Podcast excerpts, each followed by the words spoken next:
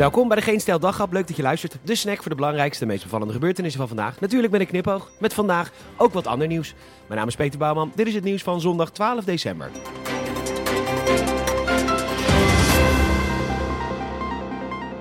Wat waren we goed, hè? We hebben het geflikt. Er is niks wat een land zo verbroedert als een enorme topprestatie die wij als natie vandaag hebben geleverd. En dat mag ook wel in het godvergeten respectievelijke kutjaarperiode land. En wat een topprestatie hebben we geleverd, hè? Een bloedstollende finale. Wat zijn we trots. Namens de gehele redactie van Geen Stijl feliciteren wij de dames van korfbalvereniging Hellas 63 uit Nunspeet met het kampioenschap. Dit is precies wat de natie nodig had. Hé shit, ja, sorry, dit komt net binnen. Korfbalvereniging Unitas Perspectief uit Harderwijk heeft protest aangetekend bij de bond. Hellas 69 zou reglementen 196.7 en 204.8 hebben overtreden.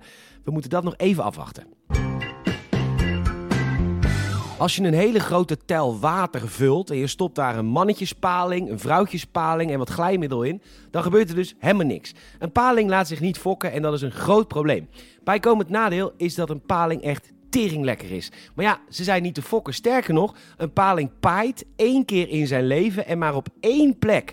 De Garçassos Zee bij de Bermuda-driehoek, al dus nieuwzuur. Dan drijven de larven naar Europa, verblijven ze 10 tot 30 jaar in het IJsselmeer en dan zwemmen ze terug naar de Sargassos Zee om te paaien en dan sterven ze direct. Hoe het kan dat de paling niet eerder is uitgestorven is het grootste raadsel. Maar goed, wetenschappers komen nu met het advies om helemaal te stoppen met de palingvangst. Zwarte Piet, vuurwerk, paling, het zit Volendam niet mee. Volgens de Stichting voor een duurzame palingsector is de visserij niet het probleem.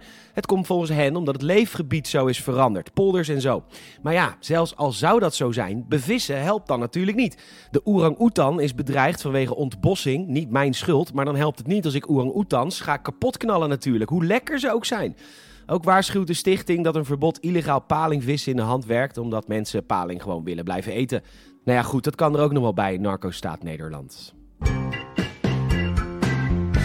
Tesla is een echt Amerikaans bedrijf. Arrogant, geblabla over elk klein wisselwasje of ruimtevaartprogrammaatje. En een topman die het leuker vindt om via Twitter influencer te spelen dan gewoon Tesla te besturen.